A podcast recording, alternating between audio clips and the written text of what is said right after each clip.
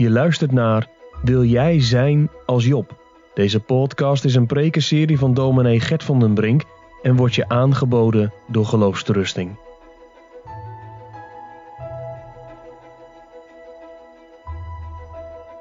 Wij openen het woord van God en wij lezen Job hoofdstuk 2. Vanmorgen hebben wij hoofdstuk 1 gelezen over Job die zowel op de aarde als in de hemel bekend stond als iemand die oprecht en vroom was, godsvrezende en wijkende van het kwaad.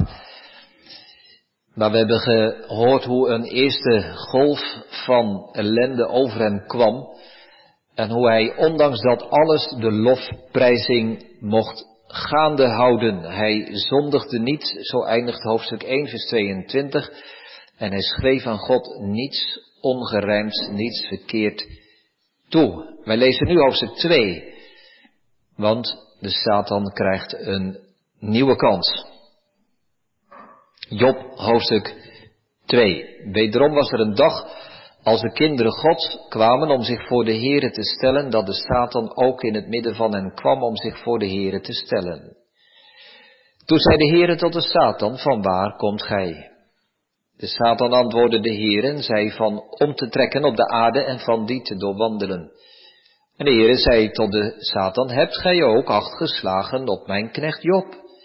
Want niemand is op de aarde gelijk hij, een man oprecht en vroom, godvrezende en wijkende van het kwaad.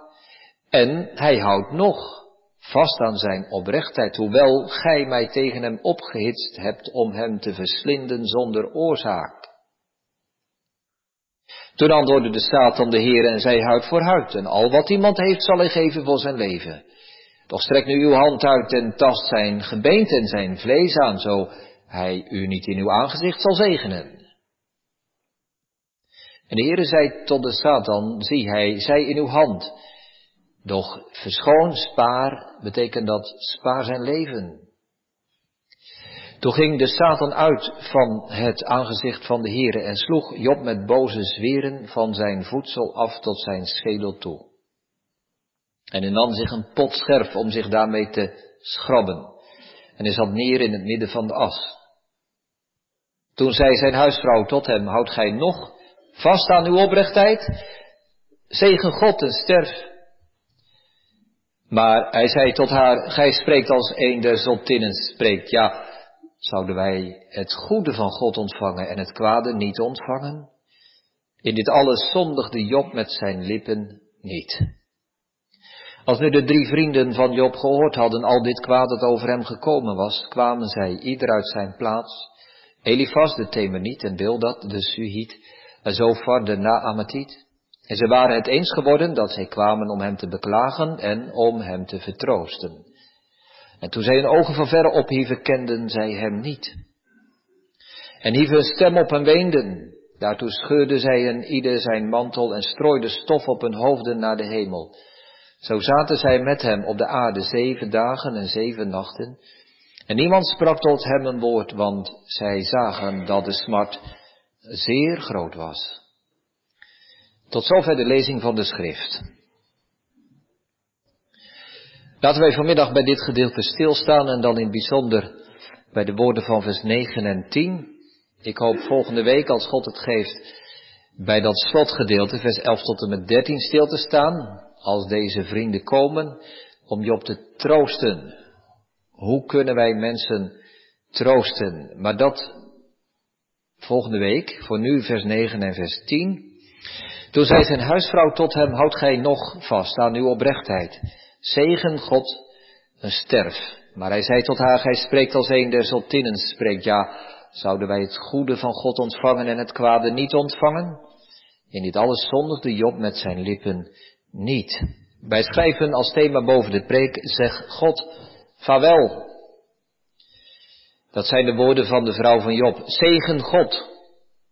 Wens hem het goede toe, zeg God vaarwel, neem afscheid van hem. En sterf. Zegen God en sterf. Het thema boven de preek is zeg God vaarwel. Drie gedachten. In de eerste plaats een bitter advies. Ten tweede een bitter antwoord. En ten derde een betere vraag. Een bitter advies, dat zijn de woorden, dat is het advies van de vrouw van Job. Houdt u nog vast aan uw oprechtheid, nog steeds Job? En ze geeft een bitter advies. Zeg God vaarwel en sterf. Een bitter advies. In de tweede plaats een bitter antwoord. Als Job zegt, gij spreekt als een van de zottinnen spreekt. Hij zegt tegen zijn vrouw, je praat onzin. We horen ook daar bitterheid in. En dan een betere vraag als hij daarna zegt, zouden wij het goede van God ontvangen en het kwade niet ontvangen? Een bitter advies, een bitter antwoord en een betere vraag. Gemeente, hebt u, heb jij wel eens overwogen om afscheid te nemen van God?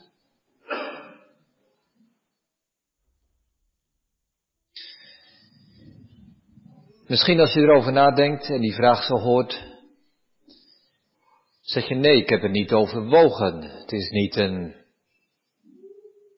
bepaalde bewuste ontwikkeling geweest.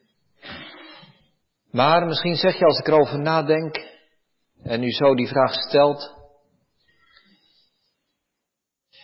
misschien is er wel een proces, een ontwikkeling in mijn leven gaande. Zo langzaam maar zeker groei ik weg bij God. Ik kan mij wel gesprekken herinneren, ook wel met studenten hier in de stad Rotterdam. Waar ze vertellen dat het inderdaad zo gaat. Het is niet één moment waar je de knop omzet. Het is niet zo vaak dat mensen van hun geloof vallen, maar ze glijden er vanaf. Je kijkt terug op je leven en op een gegeven moment dan kom je tot de conclusie, ik heb eigenlijk afscheid genomen van God. Het zegt me eigenlijk niet zoveel meer. Als ik eerlijk ben, zijn andere dingen voor mij veel belangrijker en in ieder geval veel interessanter dan God en kerk en Bijbel. En hoe kan het zijn, gemeente, dat kerkverlating, Godverlating, niet altijd voortkomt uit onverschilligheid. Niet altijd een proces is waarin je, nou ja, op een platte manier kiest voor de genoegens en de lusten die de wereld je biedt. Maar het kan ook zijn dat mensen diep teleurgesteld zijn in God. Het kan ook zijn dat mensen, als ik er zo weer over preek, dan komen zo weer gedachten boven. Dan zie ik weer gezichten van mensen voor me. Ook jonge mensen die zeiden, dominee, ik heb het zo geprobeerd om God te zoeken. Ik dacht dat ik hem gevonden had. Maar het is allemaal weg. Ik ben zo, ik ben zo teleurgesteld in God. Er is zoveel pijn in mijn leven gekomen. Ik begrijp het niet. Laten we dan eens kijken naar de vrouw van Job. Gemeente, wie kan deze vrouw niet, niet begrijpen? Als zij deze woorden zegt tegen haar man, houd gij nog vast aan uw oprechtheid, Job? Ga je nu nog steeds door met jouw geloof in die God? Misschien dat zijn die voorgaande jaren, hè, waarin ze haar man had gezien en meegemaakt. Ze kenden hem van dag tot dag, ze hadden alles gedeeld in het leven. Ze wist dat hij oprecht was. Ze wist het als geen ander. Er zat niet een Job achter de buitenkant van Job. Er zat geen dubbele bodem in. Het was niet een man met twee agenda's. Hij was eerlijk, altijd oprecht, altijd godsvrezend. Ze wist het. Misschien had ze hem er wel om bewonderd. Misschien was ze wel trots geweest op haar man. Want wie in de wereld was er als Job? Maar wat is het gevolg? Die God, die God, die Job zo, haar man, zo van harte gediend heeft, die heeft hen overladen met ellende en jammer. Laten we niet vergeten dat deze vrouw, gemeente, dat deze vrouw meegesleurd wordt in alles wat Job overkomt. Al die rampen hebben ook haar vol in het gezicht geslagen. Hier staat een vrouw die niet alleen op een afstandje toeschouwer is van wat er met Job gebeurd is. Maar hier staat een moeder, een moeder die tien kinderen verloren heeft. Niet alleen Job is tien kinderen kwijt, maar ook de vrouw van Job. En dan komt die vraag boven, wie kan er met zoveel verdriet en met zoveel pijn nog geloven? Wie kan nog volhouden aan zijn oude levenspatroon waar kerk en God en Bijbel een plek hadden? En waarvan je wellicht dacht dat het allemaal oprecht was. Gemeente, wie kan het deze vrouw kwalijk nemen dat zij zegt, ik kan het niet meer. Ik kan het niet meer om zo verder te gaan en in deze God te geloven. Ik stop ermee. Ik zegen God.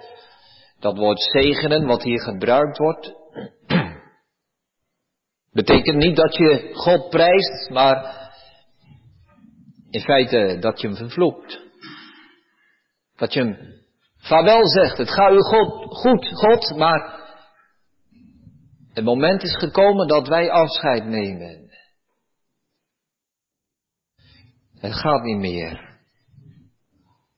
Ik zeg hem vaarwel. Vaarwel, o God, nooit keer ik weer. Zo zegt deze vrouw. En dat afscheid van God betekent voor die vrouw ook het afscheid van Job. Ook het afscheid van haar man. Ze hebben samen zo verschrikkelijk veel gedeeld. Ze hebben een leven gehad waar ze samen tien kinderen gekregen hebben. Ze hebben samen die kinderen opgevoed. Ze hebben samen, denk ik, geprobeerd om dat te doen op een godsdienstige manier. Ik kom er zo nog wel even op terug. Maar het gaat niet meer. Het is niet meer mogelijk om dat samen te doen. Er zit in deze woorden van vers 9 zoveel vervreemding. Ze snapt Job niet meer. Job, hou je nog vast aan je oprechtheid, aan jouw geloof. Ik kan er niet meer bij dat er, zegt die vrouw, dat er nog mensen zijn die geloven in een hartverscheurende en een verschrikkelijke situatie. Gemeente, het is wel goed om aan de vrouw van Job te denken. Als je praat met een kerkverlater, misschien heb je in je familie, je kennissenkring, student onderling, misschien ken je ook wel mensen die God verlaten, die de kerk verlaten, die de Bijbel niet meer lezen, die stoppen met bidden. En het kan zijn dat het onverschilligheid is, ja, dat kan. Maar het kan ook teleurstelling zijn. Denk aan de vrouw van Job. Wees voorzichtig voor je al te grote en harde woorden zegt. Het kan zijn dat er een zondig patroon in het leven zit dat afstand, afstand schept met God. Maar het kan ook zoveel verdriet zijn en zoveel pijn en teleurstelling. Nou, we zien gemeente dat deze vrouw wat er leeft in haar hart niet voor zichzelf houdt, maar ook uitspreekt. En zij vertelt het aan Job wat zij voelt en denkt. Job, zegt ze, houd jij nog steeds vast aan je oprechtheid? Ga je nog steeds door met je geloof in een goede God? Vertel me eens, Job. Wat heeft dat jou nu allemaal gebracht? Die toewijding, die oprechtheid, die vroomheid. Jouw dagelijkse strijd om het kwaad te vermijden en je ver vandaan te houden. Job, wees nou eens eerlijk, is het niet een verschrikkelijke vergissing geweest? Als die God van jou zo goed is, dan moet het toch wel een kleine God zijn, die al deze rampen niet heeft tegen kunnen houden. Als die God van jou zo machtig is, dan moet het wel een brute en een wrede God zijn, dat hij dat niet voorkomen heeft en dat hij dit op jouw levenspad brengt. Job, zegt zij, doe je ogen eens open en trek je conclusies. Ik heb een advies voor jou. Ik heb een bitter advies voor jou. Zeg God vaarwel en sterf. Een bitter, een bitter advies, zo mogen het wel noemen. Want we horen de wanhoop doorklinken, de uitputting, ook wel denk ik, de moeheid van deze vrouw die het niet meer op kan brengen om te geloven. En, en als ze dan op dat laatste moment, hè, wanneer hun levenswegen gaan scheiden, wanneer ze nog een advies meegeeft, heeft ze dit advies, een bitter advies. Job, neem afscheid van God en sterf. Misschien dat ze daarmee wil zeggen, de kanttekeningen wijzen erop. Job, als jij zo doorgaat met jouw godsdienst, wordt dat jouw dood. Maar het zou ook wel kunnen, gemeente, het zou ook goed kunnen dat deze vrouw zegt, Job, neem afscheid van God, maak er maar een einde aan. Het zou kunnen dat deze vrouw haar man oproept om suïcide te plegen. Om zichzelf van het leven te beroven. Ze zegt tegen Job, is het niet beter om dood te zijn dan om zo te moeten leven? Is de rust van het graf niet beter dan de onrust van het leven? Is de stilte na niet leven niet beter dan al die moeite, die schreeuwende pijn in het leven? Als dat zo is, gemeente, dan, hebben die woorden wel degelijk invloed en indruk gemaakt op Job. Want hè, we weten dat misschien nog van de vorige keer uit Job 3. Aan het einde, vers 20 tot en met 23. Dat Job zelf dat zegt. Dat hij ernaar verlangt om, om dood te zijn. Dus die woorden die die vrouw spreekt, Job, kies maar voor de dood in plaats van het leven die hebben Job geraakt en die hebben invloed gehad. En daarna heeft hij in hoofdstuk 3 zelf uitgesproken, waarom leef ik nog? Waarom ben ik niet dood? Ik zou de dood begroeten met grote vreugde. En we kunnen erbij staan en lezen en zeggen, ja, maar dat gebeurt niet hoor met een kind van God. Staat toch in de Bijbel, gemeente. Zo simpel ligt het toch allemaal weer niet, hè? Zo simpel ligt het echt weer niet. Deze vrouw die geeft dit advies, een bitter advies, en Job voelt zich erdoor geraakt, door aangesproken. Die gedachte om, om maar te kiezen voor de dood in plaats van voor het leven. Misschien dat u, misschien dat jij ook die gedachte kent. Misschien dat er ook onder ons mensen zijn dat je nu hier meeluistert en dat je die, dat die woorden van de vrouw van Job, of het verlangen van Job zelf in hoofdstuk 3, ook in jouw hart iets doen. Zou de dood misschien toch beter zijn dan het leven? Zou een einde aan dit leven toch niet beter zijn dan maar voortleven en voortsukkelen in deze uitzichtloze situatie? Kan zijn dat u, dat jij ook deze gedachte hebt om er een einde aan te maken. Het staat in de Bijbel, de pijn en de gebrokenheid. Misschien dat jij ook wel die vraag hebt, heb ik nog wel de moed en de kracht om door te gaan in het geloof? Zal ik er maar geen afscheid van nemen? Wel gemeente, het is duidelijk, hoe begrijpelijk het ook is wat deze vrouw zegt. Het is toch niet waar de Bijbel ons toe wil oproepen. En wij weten vanuit hoofdstuk 1 en uit het begin van hoofdstuk 2 dat het de duivelse invloed op haar is die haar daartoe brengen wil. En niet de stem van God. En ik zeg erbij gemeente, ik geloof dat deze vrouw teruggekomen is van deze woorden en gedachten. Want we lezen in het laatste hoofdstuk van dit Bijbelboek. Als God Job in ere herstelt en hem zijn overvloed en zijn gezondheid weer teruggeeft, dat God hem ook weer het huwelijk teruggeeft, want hij krijgt nog tien kinderen. Het is toch weer goed gekomen tussen Job en zijn vrouw. Dat laat zien dat die genade in het leven, ook van de vrouw van Job, werkzaam is geweest. En ieder van ons die deze gedachte wellicht herkent, mag dan ook zien op de genade van God die een betere weg wijst, een heerlijke weg, dan wat deze vrouw hier adviseert. Een bitter advies. We gaan naar onze tweede gedachte, een bittere reactie.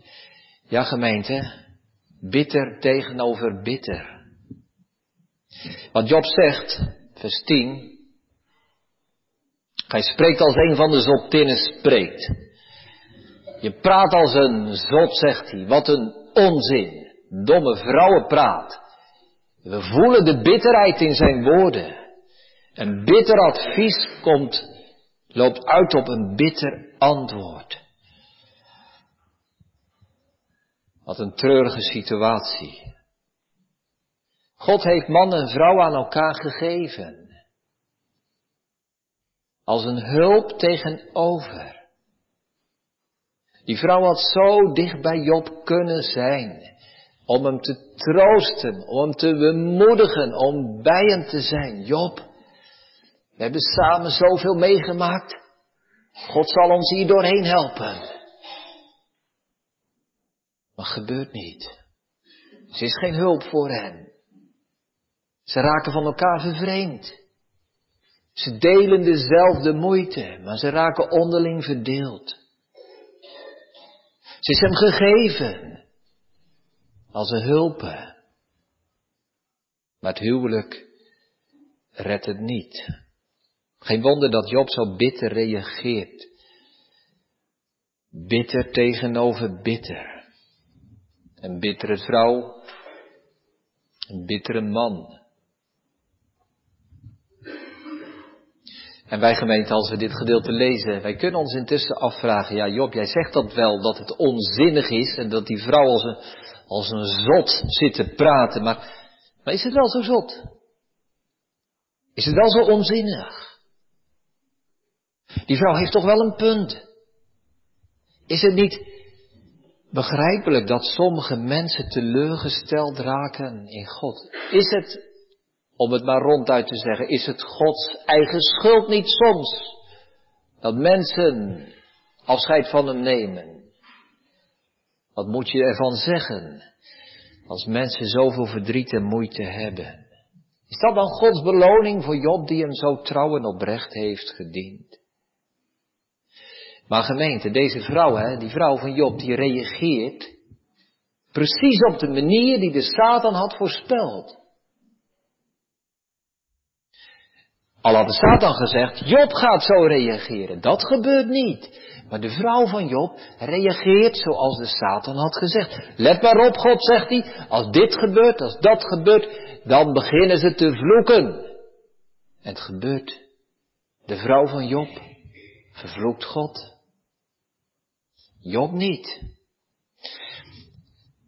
Ik zag dat er in Amerika een predikant was die over dit gedeelte had gepreekt en die noemde die vrouw Satan in een skirt.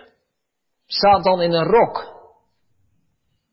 Zo komt Satan opnieuw tot Job met een nieuwe verzoeking. Door die vrouw heen, door wat zij zegt, door haar advies en bitterheid. Vervloek God. Doe het Job. En dan antwoordt Job met een bitter antwoord. En dat laat ons iets zien over het hart van Job. De manier waarop hij reageert. Het is, ik zei het al, het is de pijn die hij ervaart dat die vrouw die zo dicht bij hem is geweest en waar hij zoveel mee heeft gedeeld, nu op haast oneindige afstand van hem staat.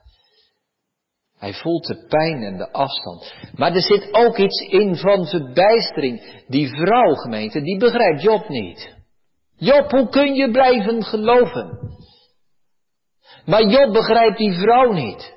Vrouw, hoe kun je zonder God verder? Ik denk dat er ook nog wel, hè, als we goed lezen, goed luisteren, een woord in zit van van verbazing, van verwondering.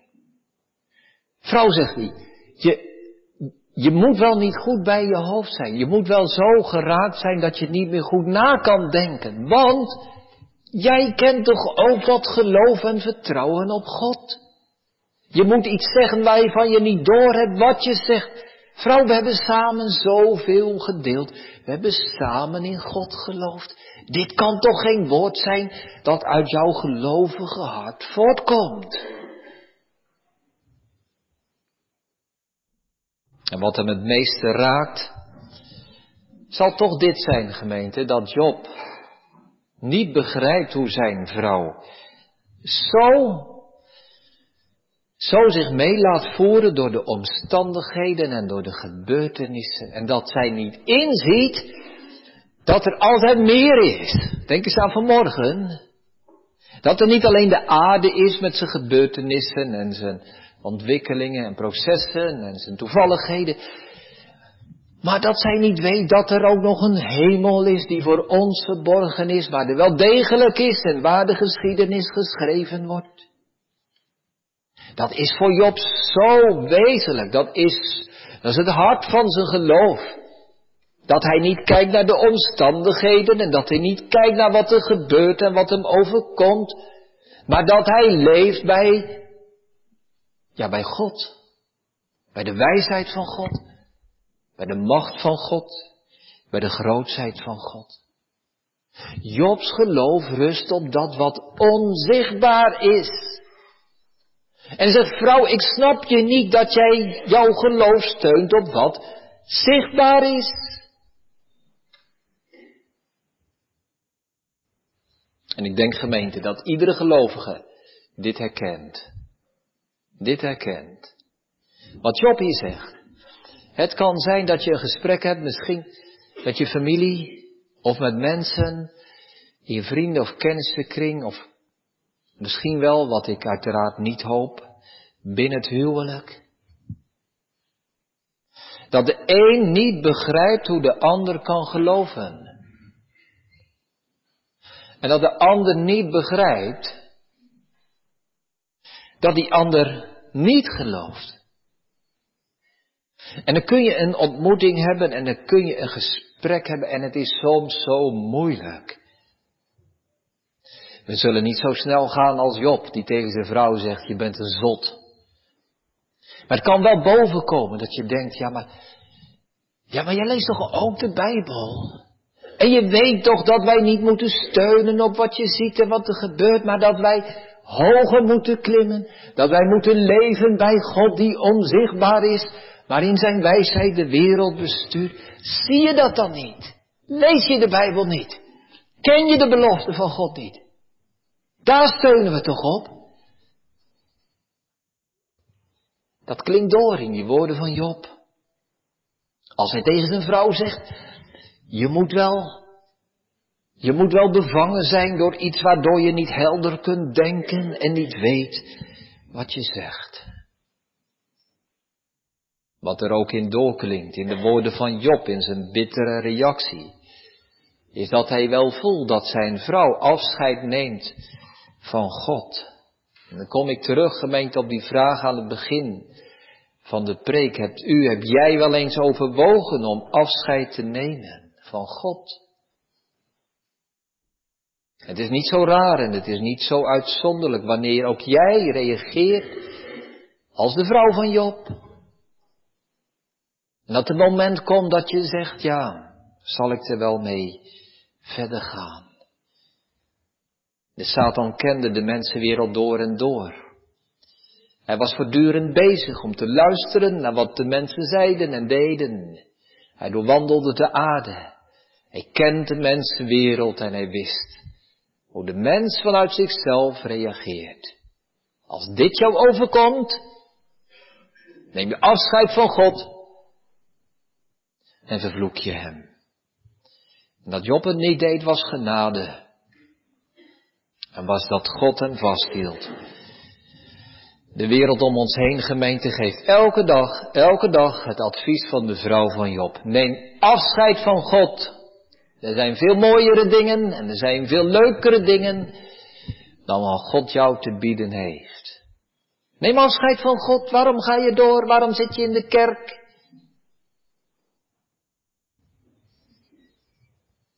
Maar de vrouw van Job was er eerlijk bij toen ze zei, was eerlijk toen ze erbij zei, neem afscheid van God en sterf. Dat zegt de wereld er niet zo vaak bij. De wereld zegt wel, zegt God maar van, wel en vindt het leven. De vrouw van Job zei, als je afscheid neemt van God, kom je uit in de dood. En ze had gelijk. Dat kan het antwoord toch niet zijn. Hoezeer het ook aan ons kan trekken en in de zwakke momenten ons hart raakt. kan ik de toekomst wel in met deze God? Ja, maar als je afscheid neemt van God, ga je een zekere dood tegemoet. Laten we naar onze derde gedachte gaan. We zagen een bitter advies. We hoorden naar een bitter antwoord. We luisteren ten derde naar een betere vraag. Want Job zegt er nog wat bij. Zouden wij het goede van God ontvangen en het kwade niet ontvangen? Dat is de betere vraag. Die vraag is beter dan het advies van die vrouw en is ook beter dan het bittere antwoord van Job. Zouden wij het goede van God ontvangen en het kwade niet ontvangen? Als je dit in de grondtaal bekijkt, in het Hebreeuws, in die zin staat het, staat het woordje God in het midden. En God was ook voor Job het midden. Zouden wij het goede van God ontvangen en het kwade niet ontvangen? Oh, zegt iemand, is dat de God van de Bijbel? Die naar willekeur dan weer wat goeds en dan weer wat kwaads geeft. Met de ene hand geeft en met de andere even hard neemt. Waar je niet van op aan kunt. Wispelturig, onvoorspelbaar, grillig. Dan weer goed en dan weer kwaad. Is dat de God waar we dan op moeten vertrouwen? Nee, gemeente, dat zegt Job natuurlijk niet, want niemand zou op zo'n God kunnen vertrouwen. Maar Job zegt, ik geloof dat God, mijn grote God, alle dingen, alle dingen doet medewerken ten goede. De goede dingen, de mooie dingen, de fijne dingen van het leven hebben een plaats in de wil van God. Maar mijn God is zo groot dat Hij zelfs het kwaad, het kwaad in mijn leven gebruiken kan tot het goede. Als God mij het kwade geeft, als ik van God het kwade ontvang, is het toch goed? Is het toch goed? Want God staat daarboven. Alle dingen, zegt Paulus dan, medewerken ten goede, namelijk voor degene die naar zijn voornemen geroepen zijn. Niet alleen de dingen van de voorspoed, maar ook de tegenspoed in ons leven. Niet alleen het goede, maar zelfs het kwade. Gemeente Job heeft deze God echt, echt leren kennen. Echt leren kennen. En zijn geloof en zijn vertrouwen in de goedheid van God is zo groot dat hij zelfs het kwaad, mag ik het zo zeggen, bij God durft onder te brengen. En dat hij het woord ontvangen gebruikt. Dat hij het kwaad ontvangt. Zouden wij het goede van God ontvangen en het kwade niet? Nou, zegt iemand, zover ben ik nog niet. Ik zie wel in dat Job een groot gelovige is. Maar ik ben zover nog niet. Dit moet wel een beleidenis zijn van mensen die al heel ver gevorderd zijn. Maar wie ben ik? Ik ben maar een klein gelovige, een zwak gelovige, een wankelende gelovige. Zover ben ik nog niet. Nou gemeente, dit is geen beleidenis van een groot geloof, dit is de beleidenis van een waar geloof. Dit is de beleidenis van een waar geloof. Zelfs de kleinst gelovige weet dit. Hoe weten wij dat? Omdat wij ons mogen vastklampen aan die woorden die we aan het begin van de dienst samen beleden hebben. Het zondag 9 van onze catechismus. Wie is die God eigenlijk? Wie is die grote en machtige God die de wereld geschapen heeft? Hij is de God en Vader van Jezus Christus. En zegt dan de catechismus zo prachtig, als ik deze Jezus Christus vertrouw, als ik de Zoon vertrouw, is zijn Vader ook mijn Vader. En dan weet ik dat alles, alles wat Hij mij in dit leven toeschikt, dat Hij mij dat ten goede doet dienen. Omdat Hij dat doen kan als een almachtige God en doen wil als een getrouwe Vader. Hoe weet ik dat? Omdat hij de God en Vader is van Jezus Christus. Als God zijn eigen zoon niet gespaard heeft, zal hij dan met Christus ons niet alle dingen schenken? Want ik ben ervan overtuigd, ik ben ervan verzekerd dat nog dood, nog leven, nog engelen, nog overheden, nog machten, nog tegenwoordige, nog toekomende dingen, nog hoogte, nog diepte, nog enig ander schepsel ons kan scheiden van de liefde van God in Christus Jezus. Gemeente, laten we elkaar en laten we onszelf die vraag stellen. Zouden wij het goede van God ontvangen en zouden wij het kwade niet ontvangen? Nog een keer. Zouden wij het goede van God wel ontvangen? En zouden wij het kwade niet ontvangen? Want wij hoeven de goedheid en de genade van God niet af te lezen aan de onzekerheden van dit leven. Wij hoeven de gunst en de genade van God niet af te lezen aan het kwaad dat ons overkomt en het tegenvallers en de teleurstellingen. Wij hoeven ook ons leven helemaal niet te begrijpen en te doorgronden, om toch te mogen geloven in de goedheid van God. Wij zijn helemaal niet afhankelijk van wat er om ons heen gebeurt, wat er in ons leven gebeurt en wat ons overkomt. Met Job kunnen we zeggen, je moet wel, je moet wel een verstandsverbijstering hebben als daar je geloof op gefundeerd is. Ons geloof is niet gefundeerd op Vandaag gaat het goed en morgen gaat het weer minder. Vandaag voel ik het en morgen voel ik het niet. Nee, ons geloof is gebaseerd op Jezus Christus. Het staat nergens in de Bijbel gemeente.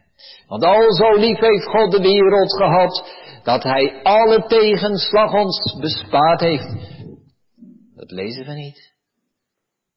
Maar wat wij wel lezen, want al zo lief heeft God de wereld gehad, dat Hij zijn enige geboren zoon gegeven heeft.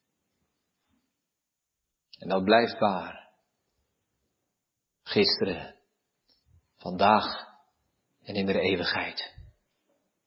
En wie daarop rust, en wie Jezus Christus vertrouwt, en wie in Hem gelooft, die mag weten dat die almachtige God om Christus wil. Mijn vader is. Die alle dingen in mijn leven, goed en kwaad, kwaad en goed, ten beste gebruiken zal.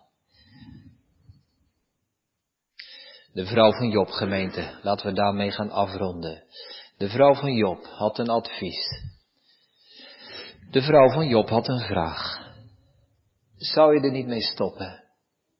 Zou je geen afscheid nemen van God? Zou je niet weggaan? Er was iemand anders die die vraag ook stelde. Dat was de Heer Jezus zelf. In Johannes 7 lezen wij dat hij tegen zijn discipelen zegt, zou je ook niet weggaan? De vrouw van Job sprak uit wat in haar hart leefde. En zij dwong als het ware haar man Job om te reageren en een antwoord te geven. Zo komt de vraag van de Heer Jezus ook vanavond, vanmiddag tot ons. Misschien leef je zo een beetje en ben je eigenlijk nauwelijks bewust van allerlei ontwikkelingen en processen die gaande zijn in jouw hart. Maar de Heer Jezus stelt een vraag aan u en aan jou. Zou je niet weggaan? Zou je geen afscheid nemen van God? Zou je hem niet vaarwel zeggen? En die vraag van de Heer Jezus, gemeente, vraagt om een antwoord. Vanmiddag. Geef eens antwoord. Als Jezus tegen jou zegt, zou je niet weggaan? Wat zeg je dan? Petrus had maar één antwoord. Eén antwoord. Tot wie zullen wij anders heen gaan? Met alle verdriet en alle gebrokenheid die mij in het leven overkomen is, of overkomt, of nog overkomen zal. Waar zou ik heen moeten gaan? Wie zou ik verder hebben dan u alleen? Afscheid nemen van God? Weggaan bij de Heere Jezus? Tot wie zullen wij anders heen gaan? Gij hebt de woorden van het eeuwige leven. Gemeente, dat blijft staan. Dat blijft staan. En daar kunnen wij mee leven nu en in de toekomst. Wat de omstandigheden ook zijn. Wat er ook gebeurt. Zouden wij het goede van God ontvangen en het kwade niet? Als God in zijn vaderlijke goedheid ons leven leidt, zal Hij alle dingen doen medewerken ten goede. En dan hoeft het antwoord toch niet moeilijk te zijn. Tot wie zullen wij heen gaan? Tot niemand anders dan tot onze Heere Jezus Christus. Die ook vandaag ons de woorden van eeuwig leven geeft. Amén.